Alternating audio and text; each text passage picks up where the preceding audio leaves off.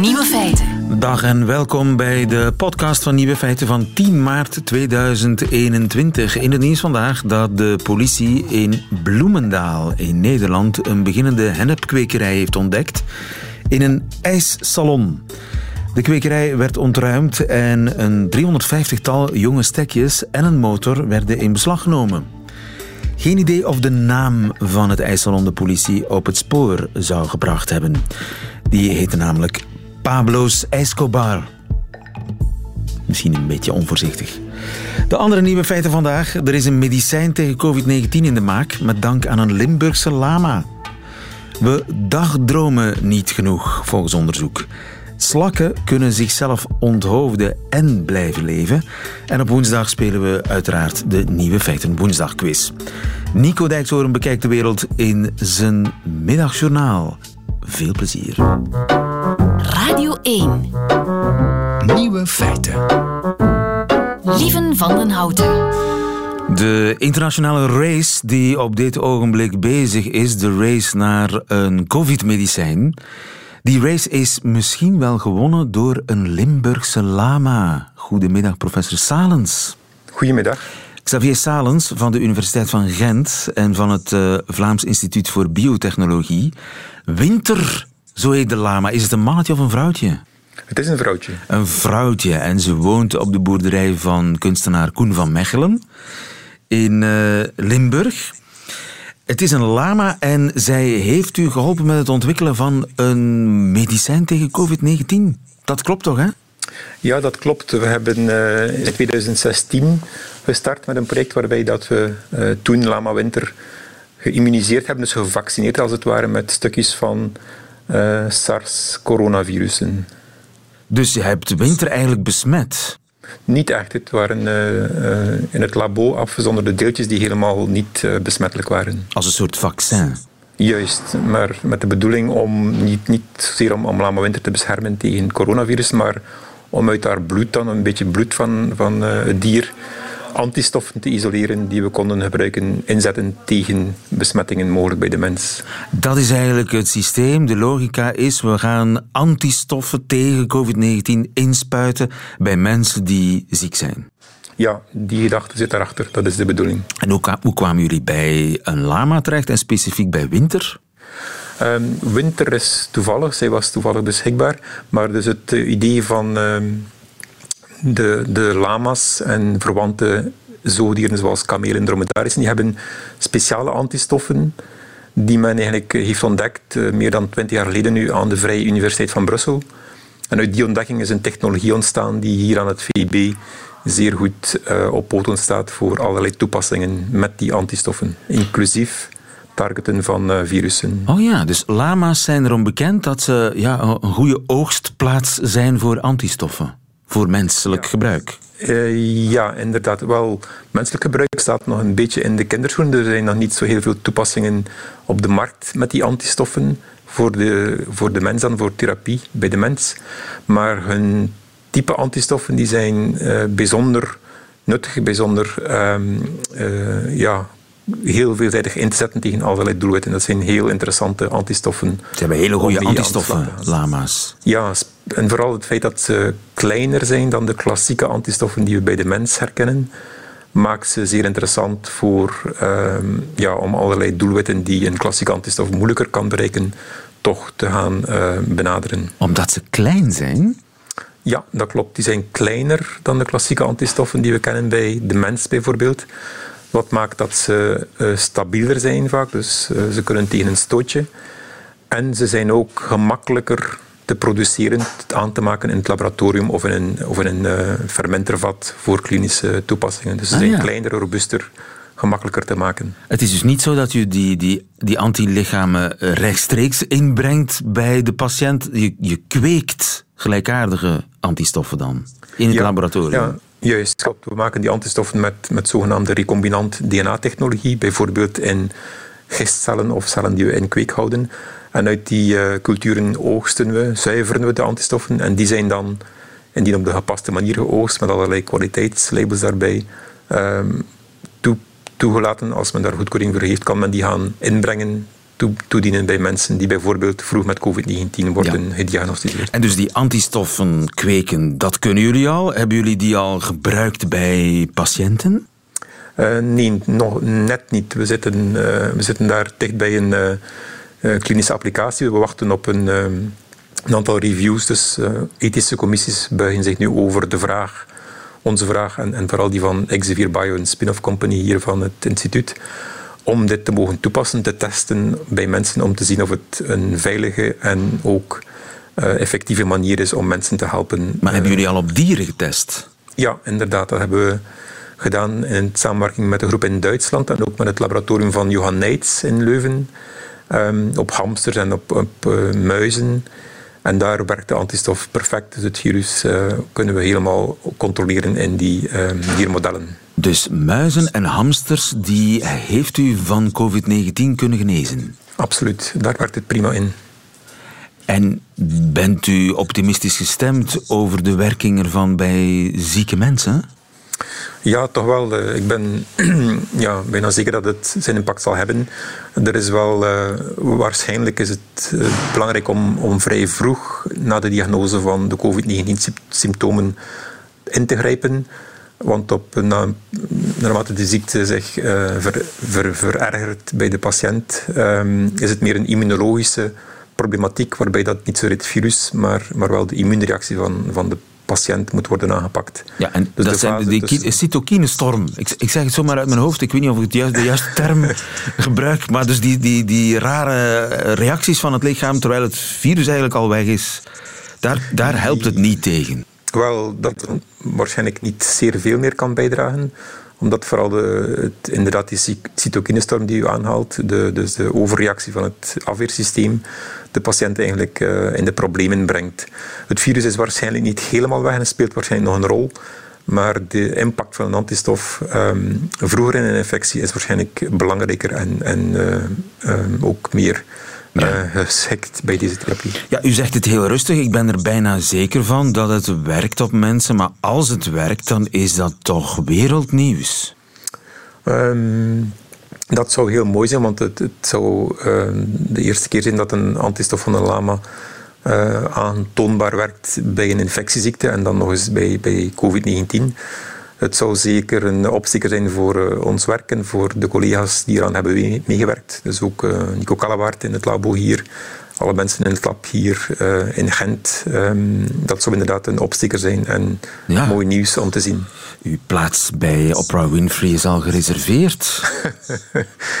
ja, zo, zo, zo, hard zal het niet uh, van stapel lopen, denk ik. Het is, uh, Wanneer beginnen de testen bij mensen? Ehm, we hopen binnen enkele weken. Dus zoals ik zei, is er een, zijn er aanvragen ingediend bij een of meerdere ziekenhuizen. Dat is de taak van Exevier, een bedrijf die daarvoor uh, in staat.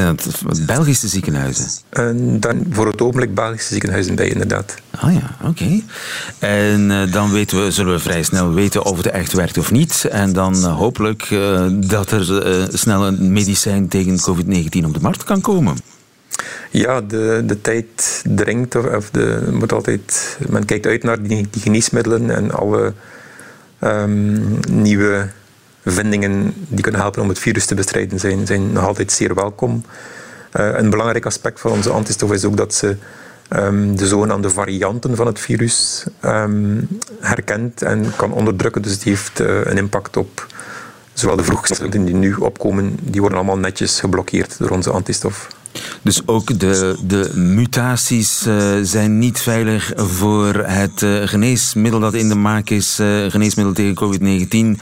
Xavier Salens ontwikkelde het met de hulp van Winter, een lama van Koen van Mechelen. Gefeliciteerd en veel succes. Hartelijk dank.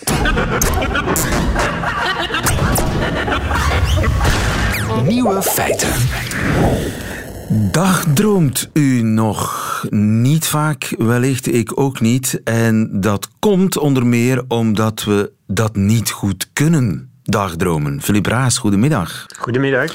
U bent eh, professor psychologie aan de Universiteit van Leuven en auteur van een boek dat heet Weg van het piekeren.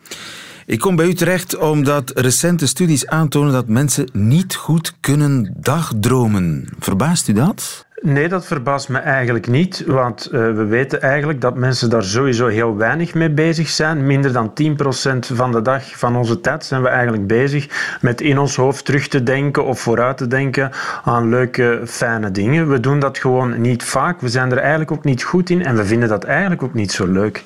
En waarom is dat zo moeilijk om te doen? We moeten ons er ten eerste op concentreren. We moeten iets kunnen bedenken. Het is vaak ook niet zo betekenisvol. En eigenlijk, wij mensen zijn van nature uit zo ingesteld dat we eigenlijk gewoon veel liever dingen doen en, en plannen maken. En als we al in onze gedachten verzonken zijn, dan zijn we meer bezig met dingen die misschien niet goed liepen, dingen die we moeten oplossen en dingen die dringend moeten gebeuren. Maar even lekker in de zetel gaan zitten en terugdenken aan een leuke ontmoeting of vooruitblikken aan iets leuks dat er op de agenda staat. Nee, dat doen we niet want dat is lastig en we doen liever andere dingen. We doen liever andere dingen dan leuke dingen. Dat is toch contradictorisch? Nee, dan aan leuke dingen denken. We doen graag leuke dingen. We voelen ons gewoon het best en het gelukkigst wanneer we actief dingen aan het doen zijn. Maar in ons hoofd, ja, in ons hoofd verdwalen zelfs naar leuke, plezante dingen is veel minder leuk en aangenaam voor ons. Dat is raar, hè? dat we dat niet aangenaam vinden aan, aan ja vroeger denken aan een fijn feest of aan een leuke vakantie. Of misschien zelfs denken aan wat er ooit aan leuke dingen zal gebeuren. Dat klopt, maar we doen liever iets anders. Maar het is wel jammer. Maar zijn we, daar, zijn, we daar, zijn we daar, hoe zal ik het zeggen, evolutionair toe veroordeeld om dat niet leuk te vinden? Ja, ik denk dat dat uh, helemaal correct is. Hè. Je zou het heel gek kunnen voorstellen dat er vroeger twee soorten mensen waren. Die die de hele tijd gewoon even chill in de zetel zaten en terugdachten aan leuke dingen en vooruitblikten op leuke dingen. En andere mensen die gewoon dingen aan het doen waren en zich af en toe toch eens afvroegen van zou ik niet beter dit of moet ik niet beter opletten voor die of die. Ja, het spreekt voor zich. Wie er na al die jaren nog in leven is, dat zijn die mensen die toch maar even opletten wat er allemaal gebeurt. En niet diegenen die heel de tijd maar zitten te denken aan leuke dingen in hun hoofd. Dus ja, daar zijn we eigenlijk veel minder mee bezig. Evolutionair gezien komt dat zo. Zouden we dat niet beter vaker doen dan in de zetel liggen chillen en uh, ja, wegdromen? Ja, ik denk sowieso dat het nog altijd best is dat we actief leuke dingen doen. Maar ik ben het wel met u eens, en ook met die auteurs van die studie, dat we misschien toch misschien wat vaker zouden terugdenken aan leuke dingen en vooruitblikken op leuke dingen. Maar dat we ons daar wat beter in zouden trainen. Want we weten dat mensen die veerkrachtig zijn, die wanneer er iets vervelend of stressvol gebeurt, dat die eigenlijk wel uh, leuke herinneringen en, en dingen die, in het, uh, die, die ze nog kunnen verwachten, die gepland staan, leuke dingen, gebruiken, actief gebruiken om eigenlijk die stress wat te bufferen en te dempen. Dus misschien dat we dat toch wat vaker zouden moeten doen. Zeker wanneer we ons niet goed voelen. Maar we zijn er niet goed in. Dus dat is de kunst eigenlijk, om als je, als je jezelf niet goed voelt, om dan toch oh, ja, die luie dromer te worden. Ja, om dan terug te denken aan fijne dingen uit het verleden, dingen die wel goed gingen, dingen die leuk waren. Nu, het fijne aan die onderzoeken is dat een van die onderzoeken is erop gericht geweest om mensen te leren dagdromen. Ja, ze hebben twee studies gedaan om uit te zoeken, god ja, als het dan toch zo'n goede zaak is om aan leuke dingen te denken, hoe kunnen we er dan voor zorgen dat we dat op een betere manier doen, zodat we er nog meer profijt en nog meer positieve gevoelens uithalen. Want het is vooral belangrijk om daar positieve gevoelens uit te halen, want die kunnen stress wat bufferen. En wat blijkt, ten eerste is het belangrijk dat je mensen moet zeggen dat ze aan plezierige dingen denken. Ja, dat lijkt misschien evident. Maar vooral dat je ze best wat voorbeelden geeft. Want als je gewoon aan mensen zegt, denk eens aan wat plezierige dingen, dan kost hen dat best wat moeite. Dus ze gaan voorbeelden geven. Bijvoorbeeld een eerste kus, een, een, een leuke familiebijeenkomst uh, van een tijd geleden, uh, iets dat je volgende week gepland hebt met vrienden, dat soort dingen. Dus je moet mensen wat cues, wat tips geven en dan gaat het al heel wat uh, beter. en wat ze ook zagen, ja. is dat um, het moeten betekenisvolle dingen zijn voor mensen. Aha. Dus je moet niet gewoon zeggen, denk eens aan iets betekenisvols, want dan kunnen ze ook aan iets ja, minder prettig denken. Bijvoorbeeld de begrafenis van een lievelingsoma, want dat heeft ook betekenis. Dus je moet zeggen, het moet positief zijn, betekenisvol en hier heb je een lijst met uh, voorbeelden. en dan, dan zijn mensen in staat om positieve gevoelens op te wekken uit dat soort herinneringen of dingen die gepland staan. Ja, we hebben voorbeeldjes nodig en dan, gaat, dan lukt het wel. Ja, en ze moeten betekenisvol zijn. Die eerste keus is betekenisvol, hè? Ja, en dat kan ook bijvoorbeeld zijn voor de overwinning van de Rode Duivels tegen Brazilië in 2018. Voor mij is dat, is betekenisvol. voor mij is dat betekenisvol, maar voor iemand anders niet. Die denkt bijvoorbeeld weer beter terug aan een vakantie toen die ging eh, wandelen in de bergen in Scandinavië. Dus het moet echt iets op maat zijn van jezelf. Iets positiefs, iets betekenisvols. Dat zijn nog eens nuttige tips. Filip Raas, dankjewel. Goedemiddag. Graag gedaan, dag.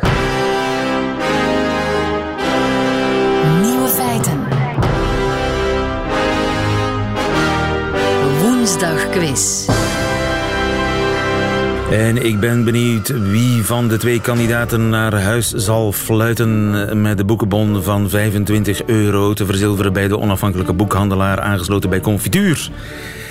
De beide kandidaten. Eén is Mathieu. Goedemiddag, Mathieu.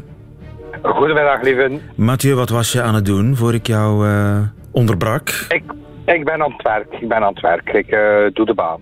Je doet de baan. Ja. Toch niet in minirok, mag ik hopen, Mathieu? Nee, nee, nee, nee, nee, nee. Ik ben vertegenwoordiger. Ik, eh, En wat vertegenwoordig je? ehm, ik eh, verkoop alles van eh, lichtreclames. eh, neons en doosletters. Al zo'n producten. Ik ben trots op je, Mathieu. Paul, goedemiddag. Goedemiddag. Dag Paul, Eh, wat was jij aan het doen? Ik was een boterham met Amerika aan het bedekken. Dat is een, een zeer delicate klus, hè? Paul de Schutter en Mathieu Leiba, jullie doen mee aan eh, de quiz. Ik heb voor jullie vier meer keuzevragen. Ik begin bij Mathieu, omdat hij zich de eerste heeft gemeld. Zolang Mathieu goed antwoordt, blijft hij aan de beurt. Bij een fout antwoord mag Paul eh, een poging wagen. En wie het laatste juiste antwoord heeft gegeven, die wint de quiz. Dat zijn de simpele regels. Jullie zijn er klaar voor, heren? Ja. Vraag 1. Mathieu, ik begin bij jou dus. Over welk onderwerp knipt Wouter Beke alle artikels uit de krant? Is dat A. Gezondheidszorg, zijn bevoegdheid? B. Wouter Beke? C. Treinen, om in de kamer met zijn collectie modelbouwtreinen te hangen. Mm, treinen. We, eh, de jury is een beetje in vertraging. Ja, het was spannend. Maar, eh Gilles... Nee, Dit mag het- nog eens, hè? Ja, ja, ja. Oké, ik moet nu even naar Paul. Die mag nog een, eh, een poging wagen. Paul, Eh, B. je denkt B. Dat is helemaal goed. Gilles? Ja, dat is een bekentenis van zijn vrouw in een interview met het laatste nieuws. Dus alle kritiek die eh, op Wouter Beke komt, die moet zij via via vernemen, omdat wanneer zij s'morgens opstaat, meneer Beke alle artikels al over zichzelf uit de krant zou hebben geknipt. Dat doet hij om haar te beschermen. Geen idee waarom. Jurylid eh Gilles de Wouter Beke knipt artikels uit de krant over Wouter Beke. Dus dat betekent dat ik bij, met Paul doorga. Paul, vraag 2. Welke mensen hebben volgens data van datingsites deze dagen het meeste succes op die sites? A. Mensen die bereid zijn om het coronavaccin te nemen. B. Zorgverleners. C. Werkloze chef-koks. Paul, wat denk je? C. Je denkt C. Fout. Ik ga terug naar Mathieu. A. Dat is helemaal goed. Het aantal mensen dat het woord vaccin in hun omschrijving zet is met 258% gestegen, zegt Tinder. 40% van de gebruikers van een datingsite zegt geen date te willen met iemand die het vaccin weigert.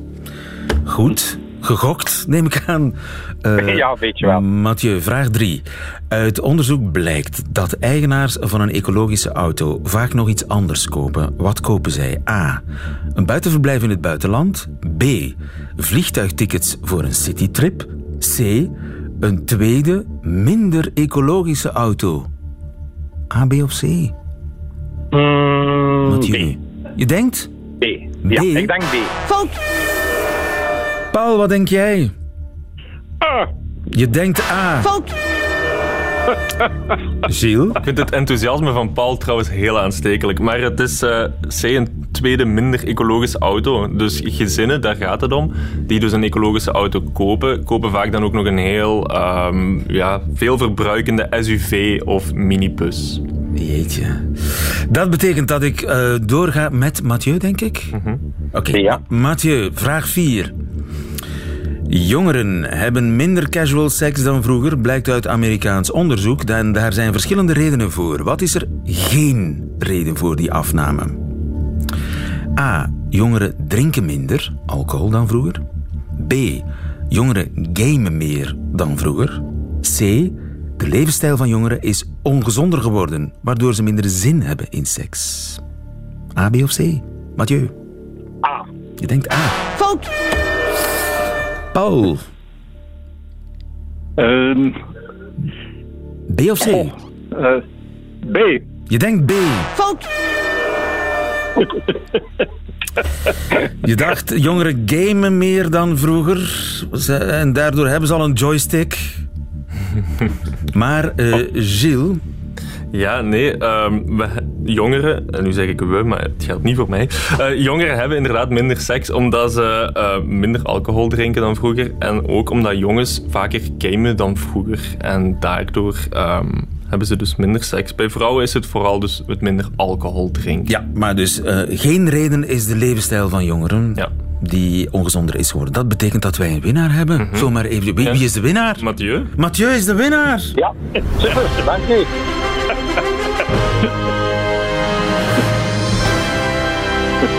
We moeten helaas afscheid nemen van Paul de Zutter. Die kan doorgaan met het beleggen met de Amerikaan van zijn boterham.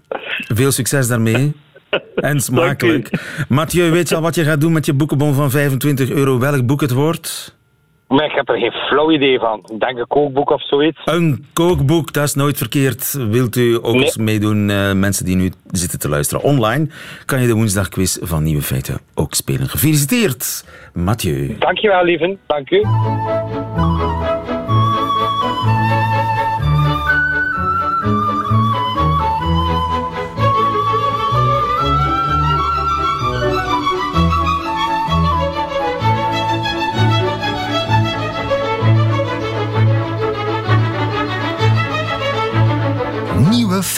Er is een dier dat zichzelf kan guillotineren.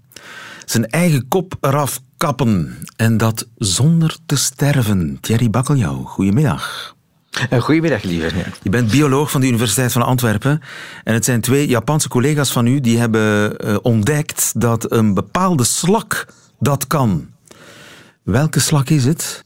Ja, het is eigenlijk een groepje van slakken. Hè. Men heeft het waargenomen bij twee nauw verwante soorten van zeenaakslakjes, uh, die de wetenschappelijke naam meekregen, uh, Elysia atroviridis en Elysia marginata. Elysia, dat, uh, het zijn zeeslakken, naaktslakken. Ze hebben dus geen schelpje, hè. ze zijn dus volledig naakt. Ze lijken een beetje op, op kleurrijke wormen, zo men wil. Uh, en dus die twee zeenaakslakjes, die twee Elysia-soort, uh, ja, daar heeft men van waargenomen dat die dus hun, hun volledige lichaam kunnen afwerpen zodanig dat alleen de kop overblijft en de kop voort blijft leven, uh, rondkruipt, uh, zich voedt en uiteindelijk na een paar dagen tot een paar weekjes een volledig nieuw achterlichaam gaat uh, ontwikkelen. Een nieuw lijf kweken, dat ja. kunnen ze. Ja. En een volledig nieuw lijf. Oude lijf werpen ze af. Hoe doen ze dat? Hoe, hoe werp je je lijf af? Wel, het is een beetje zoals dat we een stukje zien bij de, bij de staart van de hagedis. Hè. Dus door goed, zij kunnen dus, de hagedis verliezen hun staart, omdat er een bepaalde breukzone is hè, aan de basis van de staart. Wel, bij de slakjes hebben een soort van breukzone uh, in hun halsje. Hè. Dus de hals die dus het hoofd verbindt met het lichaam. Wel, in die hals is er een, een breukzone. Het is langs die breukzone dat ze eigenlijk het, het lichaam uh, heel gemakkelijk kunnen afsplitsen ja. van het hoofd. Als daar een beetje druk op zit, dan uh, verliest het hoofd zijn lijf. Men vermoedt dat de slakken eigenlijk zelf een beetje kunnen beslissen wanneer ze dat lijf gaan loslaten, bij wijze van spreken.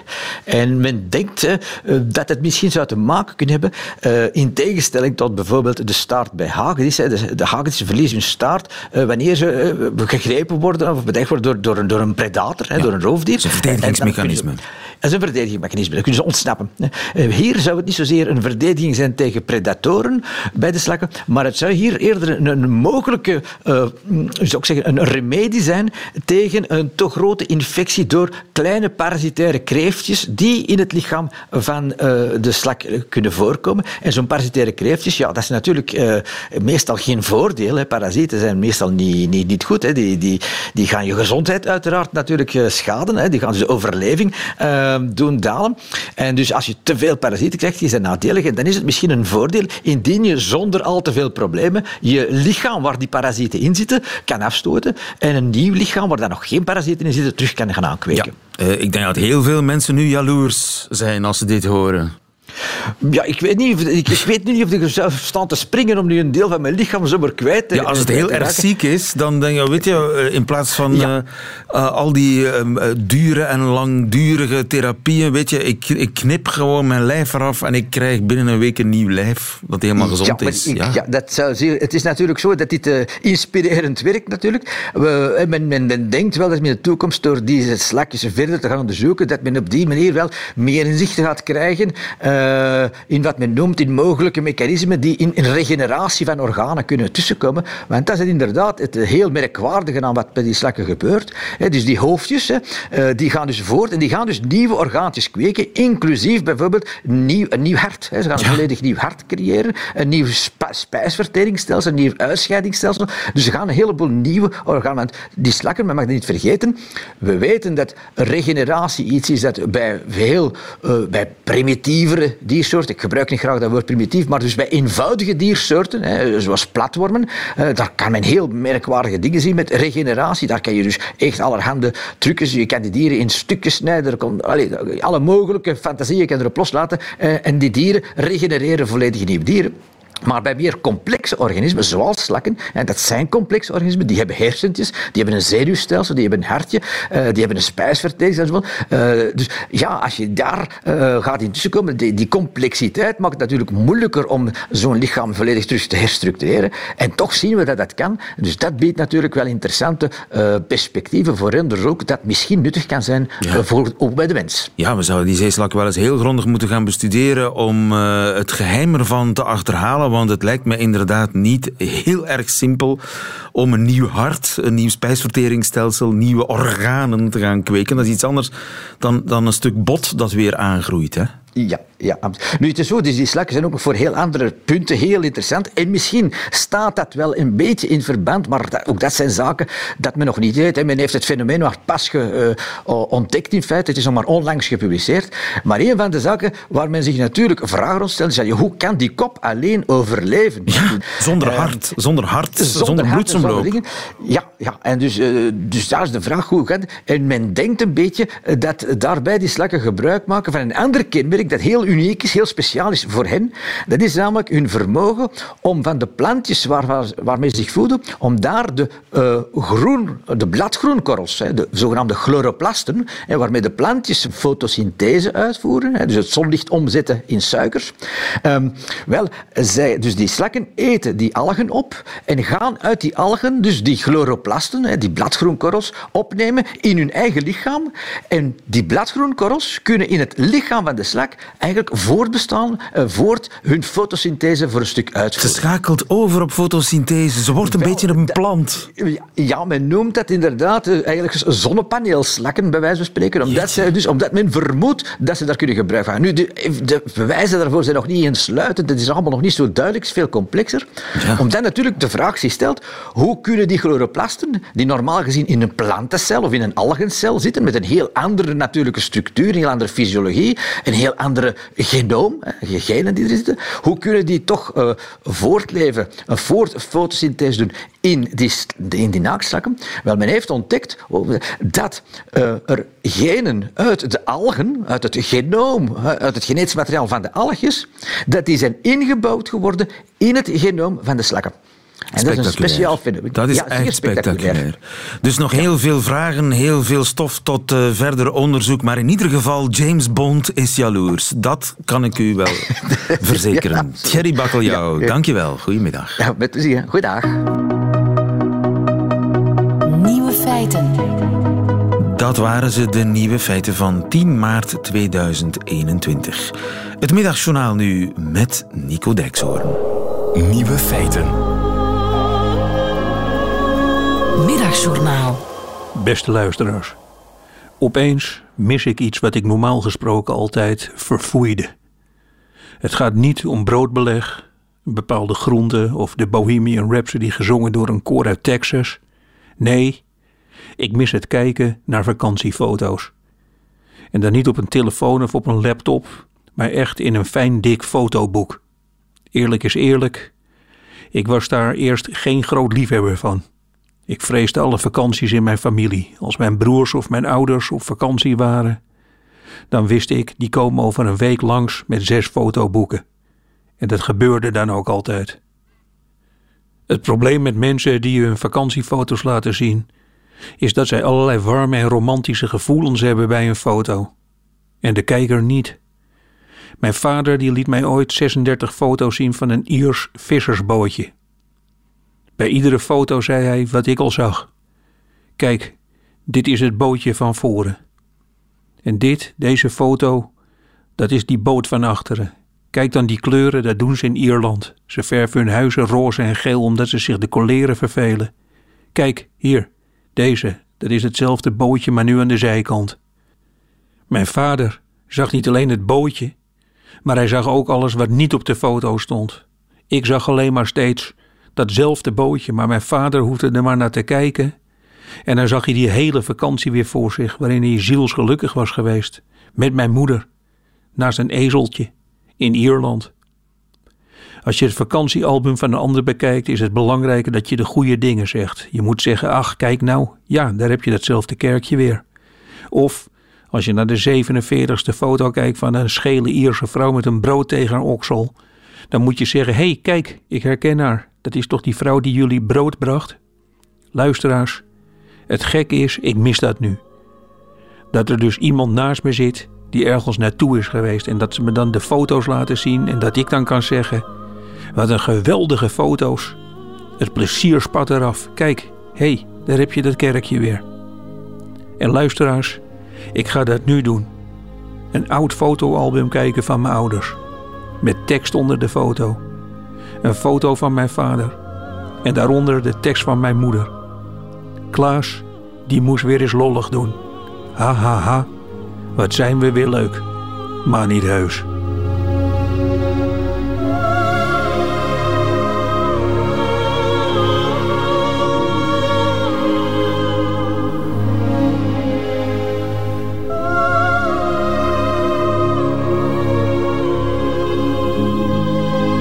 Nico Dijkshoorn in het middagjournaal. Einde van deze podcast. Hoort u liever de volledige uitzending van Nieuwe Feiten? Dat kan natuurlijk via radio1.be of via de Radio 1 app.